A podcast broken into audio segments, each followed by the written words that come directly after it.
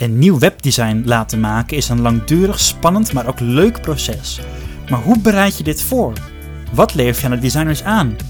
En hoe kun je ervoor zorgen dat zij een zo goed als mogelijk ontwerp kunnen aanleveren? Dit en nog veel meer in deze aflevering van de Embel Podcast. Hi, dit is de Embel Podcast. Bij Embel creëren we high-end websites. In deze podcast bespreken we trends en ontwikkelingen die impact hebben op het internet. Goedemiddag, ik ben Thomas van Eldijk en dit is de Embel Podcast. Ik zit hier met uh, Julian. Hoi.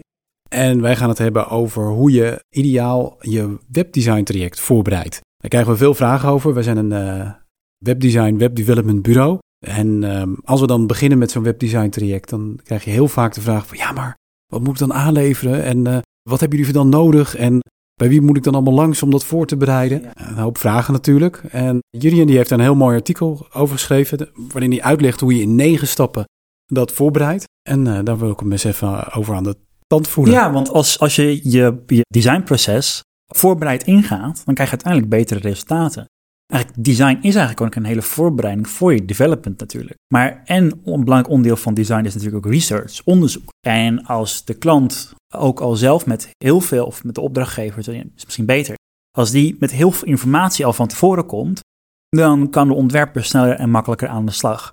En dan kun je ook je ontwerp toetsen aan, aan, de, aan, aan het stramien wat je hebt opgezet. Waar ik, wat ik zelf altijd belangrijk vind waar je mee begint, is dat je bepaalt wat je doel is van je website. Want je maakt natuurlijk niet voor niks een website. Je wilt er iets mee bereiken. Het is een middel om een doel te bereiken. En dat noemen we ook wel een zakelijk doel. Omdat je als, als organisatie of bedrijf wil je een bepaald doel halen. En het is heel belangrijk om daarover na te denken. Van, goh, willen we bijvoorbeeld producten verkopen? Willen we informatie verschaffen? Willen we een community opbouwen? Het kunnen ook meerdere van die dingen zijn. Het is in ieder geval heel erg belangrijk dat je, dat je ze in een aantal punten opschrijft. En je wilt natuurlijk niet te veel.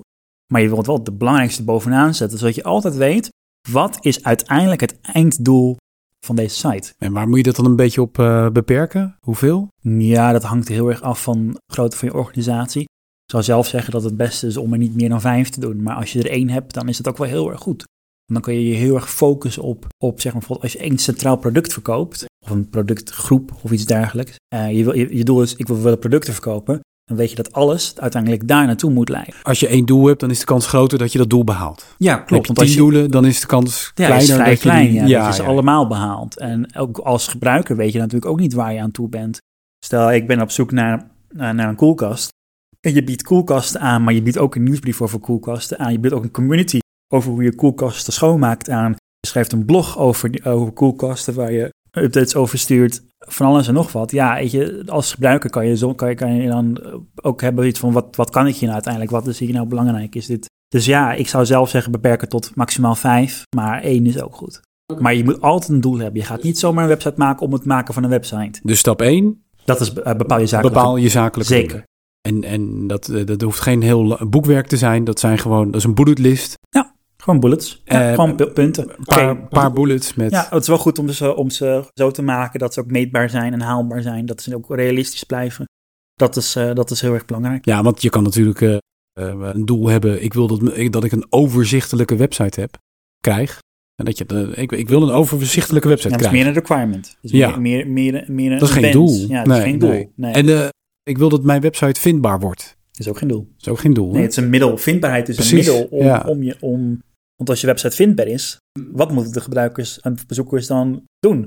Dat is, het, dat is je doel. En er is natuurlijk een verschil tussen de doelen van de gebruiker en de zakelijke doelen. Dus een doel kan wel zijn, ik wil dat er meer contactopnames plaatsvinden via de website. Ja, maar dan moet je ook altijd bedenken waarom je dat contact wil. Is dat zodat je uh, kan informeren, leads verzamelen? Uh, misschien wil je wel, is er wel, ben je wel geen commercieel bedrijf en wil je in contact komen met bijvoorbeeld mensen die een baan zoeken of uh, informatie verschaffen over bepaalde, stel je bent een overheidsorganisatie, informatie verschaffen over bepaalde regelingen of iets dergelijks kan ook een doel zijn. Hè? Ja, maar dat is wel een heel moeilijk meetbaar doel. Ja, maar ja, als iemand contact opneemt en je antwoordt en diegene is blij, dan heb je in principe je doel behaald. Als je het zo bekijkt. Maar ja, bij, bij veel van dat soort uh, organisaties die informatie willen voorzien, die willen niet dat er heel veel contact wordt opgenomen. Nee, misschien is dat juist ook wel een doel, dat er gewoon bezoekers... Geen contact opnemen, Ja, dat, is het doel. Ja, Dat, de, dat de bezoekers daar waardevolle informatie kunnen halen, dat is ook een doel, hè? Ja, ja, ja, ja. ja Dus het hoeft niet altijd dat het, dat het eindigt in een conversie of iets dergelijks. Het Mhm. kan ook zijn Mhm. van, goh, gebruikers zijn tevreden over de web, informatie die ze hier vinden op deze website. Ja, en het mooie is wel dat je gaat nadenken als organisatie ook van wat is nou, wat is eigenlijk ons doel nou ook alweer? In plaats van, we hebben nu een bak, een oude website met een bak aan informatie en op een of andere manier moeten we dat in de nieuwe website zien te prakken. Klopt, ja. Want het kan namelijk heel goed zijn dat je bedrijf of organisatie verandert door de jaren heen. Ja, En als je een, als je een nieuw ontwerptraject ingaat, kun je het helemaal opnieuw analyseren en bepalen van, goh, wat zijn nou de echte prioriteiten? Mhm. Want tegenwoordig zijn, is je digitale aanwezigheid is zo belangrijk. Dus ja, je moet een soort van je etalage van, van je bedrijf dus, of organisatie. Dus ja, je wilt dan wel dat het juiste erin staat. En dat, Ja. ja. ja, ja. ja, ja. Oké, dus dat is, dat is stap 1. Ja. En als je dat gehad hebt, dan ga je verder met stap... ja dat is, dat, is de, dat je je doelgroep gaat identificeren. Oh, Dus je hebt je zakelijke doelen, Mhm. maar voor wie is dat relevant? Welk probleem los je op en voor wie? Hm. En zodra je je doel weet en je, en je doelgroep weet, ja, dan kun je dat ook toetsen aan je ontwerp. Dus stel je hebt, oké, we, hebben- we hebben als doelgroep hebben we ouderen die bijvoorbeeld slechtziend zijn Mhm. en die willen informatie eh, vinden over, eh, over bijvoorbeeld over opticiens, dan, dan, weet je al, dan weet je al veel beter wat, waar die doelgroep mee bezig is. Een hele mooie tool om de doelgroep inzichtelijk te maken heet een empathy map, letterlijk een empathiekaart. En dat is een, een, een schema wat je invult, waar je compleet gaat inleven in die gebruiker. Dus je gaat dan nadenken, waar denken ze aan? Wat horen ze van anderen? Wat zien ze? En dat gaat, wordt allemaal heel breed. Bijvoorbeeld, wat zien ze op het internet? Wat zien ze in de krant? Wat zien ze bij, bij eh, anderen in, in, de, in de doelgroep? En zo kun je een soort van een, een, een, een heel mooi model maken. Een samenvatting van je doelgroep. Nou kun je dat natuurlijk doen op basis van eh, je gevoel, op basis van de kennis die je hebt over de doelgroep, informatie op het internet. Maar er is, het is eigenlijk altijd het beste als je dat doet aan, mate van, aan de hand van interviews met de daadwerkelijke doelgroep. Dat je echt die echte data gaat verzamelen. Je kunt natuurlijk altijd zelf aannames maken over de doelgroep. Zeker als jij een bepaalde doelgroep bedient, dan zul je wel kennis ervan hebben. Maar het is altijd goed om het te, controleren en eh, na, na te gaan of het ook echt klopt. Ja, want anders dan, dan is er één iemand binnen een organisatie die heel hard roept van... eh, oh, wij eh, verkopen niet aan die en die doelgroep. Ja, En die denkt dat misschien op basis van ervaringen die die persoon heeft, maar misschien dat het wel helemaal ja maar dat niet de data wel ergens anders op wijst. Ja, Ja, ja, ja. ja. en, het, en, en zodra je ook je, dus je zakelijke doel hebt en je hebt dan je, je doelgroep en je hebt dus, dus je empathy map ingevuld, dan kun je gaan nadenken over een klantreis. Dus welke, welke en het, het hoeft niet per se, want het klant klinkt natuurlijk alsof je iets verkoopt. Dat hoeft niet per se, maar zo noemen we het. Dan ga je per stap kijken, hoe komt een bezoeker in, in aanraking met jouw dienst en hoe overtuig je ze om, eh, om zeg maar jouw businessdoel te behalen? Of stel je wilt informatie verschaffen, hoe overtuig je ze ervan dat die informatie waarde- wa- waardevol is? Mhm. Als ze dan die informatie hebben gelezen, wat doen ze dan vervolgens ermee? En zo kun je dus een hele reis in een aantal stappen, meestal zijn het vijf, zes, vier stappen, waarin je dat, waarin je dat proces omschrijft. En wat, je, waar je dan ook in, wat er ook in voorkomt, is bijvoorbeeld de emotie die de bezoeker of de gebruiker daarbij voelt, of de uitdagingen die daarbij komen, de, de touchpoints, dus welke communicatie je hebt met die doelgroep. En zo ga je eigenlijk vanaf een heel hoog niveau, ga je over je website nadenken, je online communicatie. En dat zorgt er dus voor dat je met een hele goede basis werkt. En zodat je je ontwerp altijd kan toetsen, zonder dat je de... Het is altijd heel goed om te testen met gebruikers, maar je wilt ook gewoon makkelijk zelf kunnen controleren van... Goh, we hebben nu dit element op deze pagina, op dit punt staan. Is het relevant binnen die klantenreis? Dat kun je dan altijd controleren ermee. Dus dat is, eh, ja, dat is eigenlijk de tweede stap. Dus de eerste stap, zoals ik al zei, is eh, bepaal je zakelijke doelen. Twee is identificeer je doelgroep en hun doelen. Mhm, mhm. Ja. ja, grappig dat je... Ik, ik moet denken aan een, eh, een vergelijking met mijn, eh, mijn vrouw. Die is dan eh, interieurdesigner. Dat is een beetje een gekke, gekke, gekke zijsprong, maar daar zie ik hetzelfde bij. Die, die, die heeft er een opleiding voor gedaan en eh, die is dat eh, helemaal... Die heeft een soort carrière switch gemaakt, die heeft, is dat geworden. En een van de basisdingen die ze daarin ging leren is van bedenk een looplijn. Ga bedenken hoe het licht valt. Maak een lichtplan. Dat is eigenlijk wat jij nu ook schetst. Hè? Dus die basis die zo belangrijk is. En de grap is dat je dan, als je dan terugziet waar mensen heel veel, als ze een interieur gaan aanpassen, dan lopen ze vaak heel erg te rommelen. Dan kopen ze een nieuw kussentje, dan moet er een andere bank bij, maar die bank die past dan weer niet bij de muren. Daar moeten muren die moeten een ander kleurtje krijgen, maar die, dat behangetje dat past dan eigenlijk niet bij de kast. Dus er moet er een nieuwe kast komen en daardoor moeten ze een nieuwe vloerbedekking, want die past dan weer eigenlijk niet bij het behang. En zo lopen ze vast eigenlijk. Ze zitten in een soort van visueuze cirkel. Die wordt niet beter, het wordt vaak alleen maar minder. Dit is heel herkenbaar, ook als je Ja. een designproces als je gelijk gewoon gaat tekenen en gaat Ja, uitwerken. Dan heb je datzelfde, dan ja, is dit probleem. En het kost gewoon heel veel tijd. In plaats van dat je een nieuw kussentje moet kopen, moet je een heel nieuw, nieuwe pagina ontwerpen en moet je hem helemaal omgooien. Nou, dat is echt gewoon dat dus zo het- het- zonde. En het, het voelt in het begin natuurlijk, en dat merken we ook wel vaak met klanten, als ze dan zeggen van ja, wat zijn je doelgroepen? Bedenk je doelen? En dan gaan we even terug naar de basis. Ja, dan is het van, ah, nee, maar ik wil, ja, nee, ik wil mooie plaatjes en ik wil, dit zijn mijn fonts en zo ziet mijn logo eruit en dat moet erin, hup, snel. Maar nee, dan krijg je dus een beetje datzelfde verhaal met dat interieur. Je moet dus eerst die basis goed hebben. Oké, dus die, Ja, onderdeel van de basis is ook stap drie. Dat is je merkverhaal. Dus dat is het verhaal dat jij vertelt als bedrijf. Ja, dat is, dat, dat is natuurlijk van. Dan, dan heb je je doelgroep. Je weet aan wie je het wil vertellen. Je hebt je doel, dus wat wil je behalen? En nou is het eigenlijk meer wat ga je dan? Ja, inderdaad. Hoe ga je, hoe ga, je- hoe ga je dat... Hoe ga je jouw zakelijke doelen met de doelen van de gebruiker aan laten Ja, sluiten? ja, En, en nou ja, als, als groot bedrijf zijnde zul je waarschijnlijk al een idee hebben van wat je, wat je uitdraagt. Maar ja, dus je kunt, je kunt daar... nou, dan- je kan er ook achter komen dat je een doelgroep hebt die je dus helemaal niet bedient. Klopt, ja. ja of dat die een compleet ander beeld hebben van jou als bedrijf. En dan is... En je merkverhaal gaat, gaat niet alleen over de visuele uiting, maar ook over de teksten die je erin verwerkt op je site. Maar ook volgorde van elementen. En op de informatiearchitectuur heeft dat super veel invloed. Ja. Ja. Oké, dus dat, dat zijn eigenlijk de drie basiselementen. Ja, want zodra je dat hebt gedaan, dan kun je de vierde stap gaan ondernemen. En dat is analyseer je huidige website en of marketing. Dus dan ga je kijken, we hebben nu hierover nagedacht. Wat, dit is wat, wat we willen gaan bereiken. Hoe doen we dat nu al? Want je gaat dan eerst nadenken, wat is echt belangrijk? En dan ga je kijken van, en dan schrik je je rot. Want waarschijnlijk kom je er dan achter dat er dan niks van Ja, klopt. ja, die doelgroepen bedienen we niet. Oh, dat klopt helemaal, dat merkverhaal. Hè, dat is helemaal niet het verhaal wat we willen vertellen. Ja, maar het kan ook voorkomen dat je bijvoorbeeld een hele mooie bedrijfsfilm hebt die je wel op je website wilt tonen. Of dat je al een bestaande nieuwsbrieflijst hebt die je, die wel, die je wel wilt behouden of bepaalde content. Of misschien kom je er wel achter van, goh, hoe wij de, onze diensten hier hebben eh, omschreven. Dat is totaal niet logisch. En zo kun je dus ook kijken, wat houden we wel en wat houden we niet. En dat zorgt ervoor dat je met een, met een mooie schone lijn begint.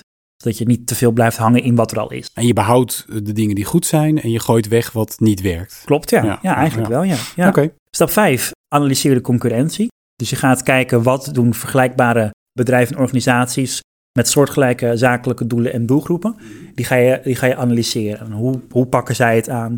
En wat je daarmee eigenlijk wil, is onderzoeken, het is natuurlijk allemaal design technisch, dus hoe uiten ze zich visueel en hoe kunnen wij ons daarvan onderscheiden? Je kunt het natuurlijk voor, het is natuurlijk belangrijk om wel herkenbaar te zijn binnen een bepaalde sector. Bijvoorbeeld als je een, als je een bank bent, dan ben je altijd, ben je altijd een soort van, heel vaak een kleur die vaak voorkomt in de bank is blauw, lichte kleuren, Het is heel zakelijk, vertrouwenswekkend.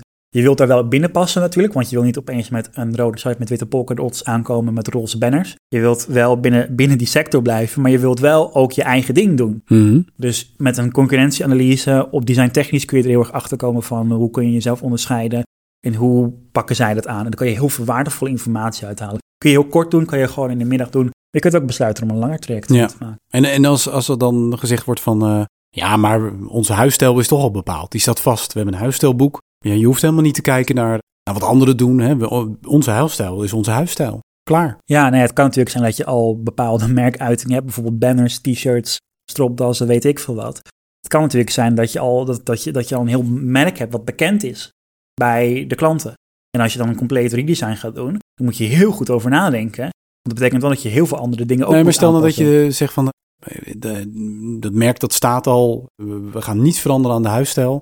Moet je dan nog steeds zo druk maken om analyse, de analyse van de concurrentie? Want je gaat toch niks meer veranderen aan je font. Het is altijd goed om even te kleur. kijken wat de anderen doen. Ook al is het alleen maar om gewoon uit interesse van, goh, hoe kunnen we ons onderscheiden met dat verhaal wat we al hebben en die, die Ja, ja. ja, ook naar de content kijk je dan natuurlijk. Ja, ja, en naar, naar ook naar eh, misschien ook meer technisch bijvoorbeeld, of, of informatiearchitectureel. Dus bijvoorbeeld, eh, hoe worden hier producten aangeboden en wat Ja, ja, een productpagina van, deze, van een soortgelijk bedrijf, hoe wordt die ingedeeld en hoe, welke lessen kunnen we daaruit halen? Ehm het betekent niet dat je het alle andere per- helemaal moet namaken, want dat Nee, is natuurlijk maar niet zo slim. Maar je hoeft het wiel ook niet opnieuw uit te vinden. Juist, ja. Dus zodra je dit hebt gedaan, eh, kun je gaan nadenken over je inhoudsstrategie. Dus dat is hoe, waar ga je alle inhoud plaatsen van je site en in welk, wat voor een structuur. En ja, dat is dus ook weer, blijft een beetje op een hoog niveau. Maar dat zorgt er wel voor dat je, ja, dat je uiteindelijk steeds meer de detail, je zit steeds, steeds meer de detail in.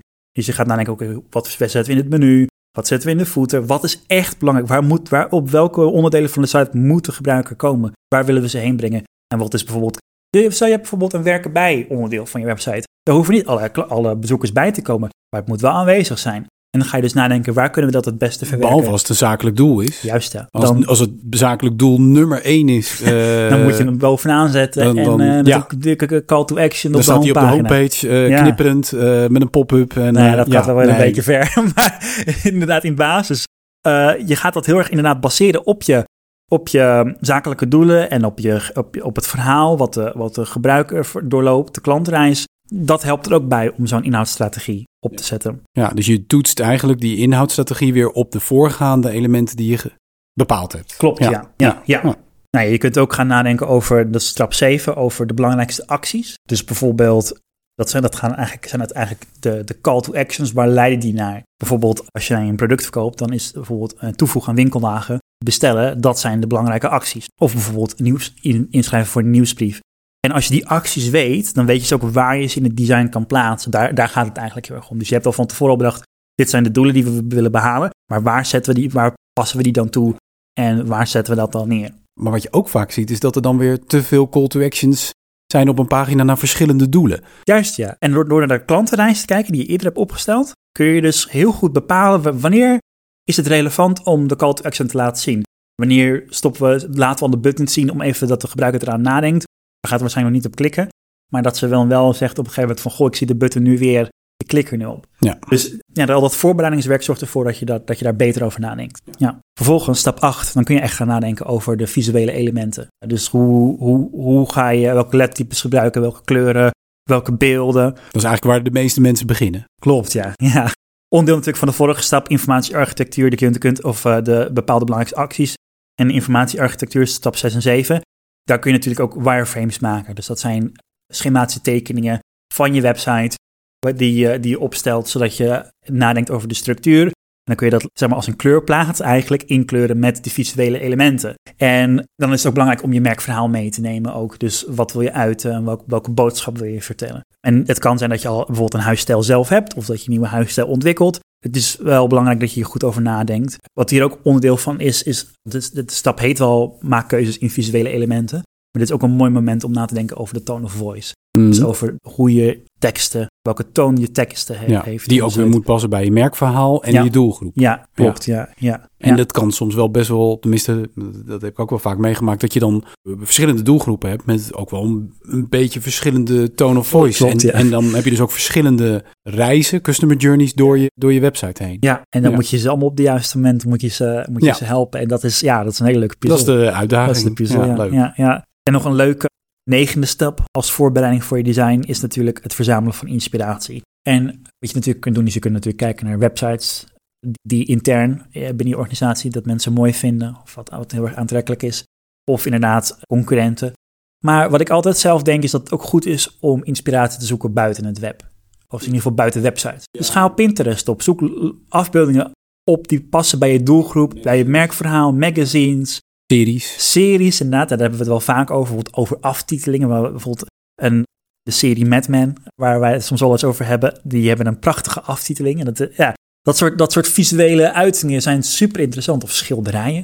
Bezoek een museum die te maken heeft met jouw doelgroep of met jouw zakelijke doelen. Weet je, dat, dat kan, je kan zo verrast worden door, door kunst en ook door de natuur. Ja, het is net, het is net wat, jou, wat jouw doelen zijn met je website en Ja, wat je en- doelgroep En aanspreekt. die zijn dan weer te- ter inspiratie voor die visuele elementen die jij dan weer kan toepassen in je, Juist, in je ja. webdesign. Ja. Juist, ja. ja. En ja, dat, dat, dat ondersteunt dan uiteindelijk je verhaal. Ja, en, en, en uh, je hebt nu, nu negen stappen. Is dit, is dit iets wat, wat je zelf als communicatiemedewerker, marketingmedewerker zelf kan gaan verzamelen? Of is dat iets wat je dan samen met iemand moet gaan doen? Ja, nee, in principe, je kunt beide dingen doen. Ik denk dat het meest ideale is, is om zelf als communicatiemedewerker hiermee aan de slag te gaan. En dan het gewoon met een, met een UX-designer, een webdesigner te bespreken. Ja, gewoon precies. voor te leggen en kijken wat lijkt- vind je ik denk dat ervan. het best wel lastig is, omdat je dan, je, je weet natuurlijk van je eigen organisatie wel, wel wat ongeveer de doelgroepen zijn, maar het is daar best wel, lijkt me ook wel moeilijk om daar een klap op te geven, omdat ga je dat bespreken met twintig van je collega's, dan hebben ze allemaal een, een ander lijstje in hun hoofd Ja. Van doelgroepen. Ja, en uiteindelijk moet je komen tot één lijstje. Je kan niet, wa- wat je liefste zou willen doen, is al die doelgroepen maar toevoegen. dan heb je dus gewoon honderd doelgroepen. Ja, ja, ja, nou ja, het is op zich dan heel erg slim om het inderdaad met een designer te bespreken en het eh, te beperken tot de belangrijkste. Combineren, ook de klantreis uitwerken kan natuurlijk best wel een uitdagende, uitdagend iets zijn. En daar kan een, een goede UX-designer kan je daarbij helpen. Die kan, die, daar kan je het samen mee doen. Alleen het is wel belangrijk dat je, dat je beseft dat, dat, dat dit informatie is die een designer nodig heeft. Dus een designer kan je wel helpen om die informatie te vinden en te Ja, structureren. Precies, dus eigenlijk je, je kan wel als communicatiemedewerker verzamelen welke doelgroepen spelen er allemaal binnen orga- onze organisatie. Help, ik heb er nu 30. Ja. Help mij om dat te Ja, reduceren tot een lijst Ja, van het is eigenlijk, Dat is eigenlijk je voorbereiding. Je hebt, dan al je, voor, je hebt namelijk al je doelgroepen verzameld. Ja. Dan kun je samen met een designer... Ja, maar dat is wel zitten. belangrijk als boodschap vaak. Omdat je, je, je, je bent dan, tenminste ik merk zelf wel vaak die onzekerheid. Zo van, oeh jeetje, ik moet het allemaal ook helemaal in beton gegoten aanleveren. En, maar dat is dus eigenlijk niet Nee, zo. hoeft niet. Verzamel het gewoon, zet het gewoon in een Nee, document. eigenlijk eh, moet je de zakken zand en, Ja, en de emmers water, die moet je dus gaan aanleveren. En samen met een, een designer ja. ga je dat meer concreet. Wat ik denk ook dat belangrijk is bij een goede start van een designproces... is ook om gewoon alles op tafel te gooien wat je hebt. Ja. Van alles. Ja. Want heel vaak zitten, zitten de, de mooie dingen en de paaltjes zitten vaak verscholen. Het ko- komt, gebeurt soms wel eens dat, een, dat ik dan een briefing heb en dan zeggen ze... oh, we hebben deze brochure, hebben een brochure. En dan bekijk je de brochure en dan is die super goed ingedeeld. En dan is daar heel goed over nagedacht. En dan denk je van, ja, maar dit is eigenlijk een goede basis voor de Ja, website. precies. Dan kan je al de content en Ja. de tone of voice en de, misschien zelfs wel visuele elementen, Ja, die kan je al meteen kan, gebruiken. kan zo zijn. Of je, je komt op het kantoor bij een klant en die hebben een heel mooi schilderij hangen met, met de belangrijkste kernwaarden erop. Ja, dat is, dat is zo waardevol. Maar daar, misschien dat je daar niet aan denkt. Maar dat is eigenlijk een voorbereidende, voorbereidende periode voordat je pas gaat designen dus. Ja. Dus dat is wel belangrijk om te weten. Ja, zeker. Ja, het is gewoon een voorbereiding. En de designer die gaat natuurlijk uiteindelijk voor je ontwerpen. Maar wat je erin stopt voor een designer, dat, dat, dat- hoe meer je erin stopt, hoe meer je eruit krijgt. En het is natuurlijk ook maar net, eh, eh, eh, hoe, inderdaad, hoe meer je erin stopt, hoe meer je eruit krijgt. Maar het kost je natuurlijk ook het nodige. Het kan ook zo zijn dat je gewoon puur een redesign wil en je wil bijvoorbeeld een moderner, frisser design. Daar hebben we ook een eerdere podcast over gehad, over hoe je een webdesign opfrist. Ja, dan is misschien een heel traject zoals dit met al deze negen stappen misschien iets te overkill. Mogelijk, ja. Maar het is wel goed om eventjes erover na te denken. Je kunt deze stappen heel klein houden. Je kunt ze in een uurtje doen. Je kunt er ook dagen voor Dat pakken. kan. Je kan Het gewoon is in heel een uur... schaalbaar. Ja, precies. Je zou ook in een uurtje dit lijstje door kunnen lopen. Ja, dan, dan gewoon kunnen opschrijven wat er in je- opkomt. En dan Ja. heb je al een redelijk goede voorbereiding. Dat is wel een goeie. Dus, maar ja, inderdaad, het is voor kleinschalig, grootschalig. Het is gewoon helemaal te Ja, schalen. dat is een En- leuke lijst. Lekker, het, het, het oogt, 9 is ook een lekker getal. Het, Ja, ja. het, oogt enigszins eh, behapbaar, maar het zijn natuurlijk wel... Ja, je, en je kan het zo gek maken als je zelf wil. Dat is ook het leuke ervan. Dus net zoals met die inspiratie. Ja, je, je kunt helemaal naar een musea gaan bezoeken met het hele team. Of helemaal met in de, gaan mediteren in de Alpen. Kan allemaal. Maar je kunt ook gewoon zeggen: Goh, ik, heb, ik, heb, ik zag laatst eh, de Apple Watch. En ik vond het zo'n mooie website. Van die nieuwe website van Tesla. Oh, dat Past ik, helemaal bij ons. vond ik helemaal mooi. Waar ik helemaal blij van. Ook al het feit dat je daar als, als organisatie blij van wordt. Is ook al een teken dat het te maken heeft met je Ja, organisatie. ja, met jouw waarden. met jouw waarden en jouw. jouw ja. ja. Ja, Interessant. Dus nou, ja, hey, zeker. superleuk. Ja. Ja. Ehm, ik ga hem afronden. Ja, Vond je dit nou een eh, leuke podcast en een interessant onderwerp? Kijk dan ook even op onze website, embel.nl. Daar vind je meer van dit soort artikelen. Waaronder dus ook het artikel van Jurien. 9 stappen om je webdesign traject optimaal voor te bereiden. Daar vind je ook andere podcasts. Ook over webdesign onderwerpen, maar ook over development, security, alles eh, rondom het web. Je kan ons ook vinden op Spotify, Apple Podcast, YouTube. Daar staan onze podcasts ook. En eh, tot de volgende keer. tot de volgende keer.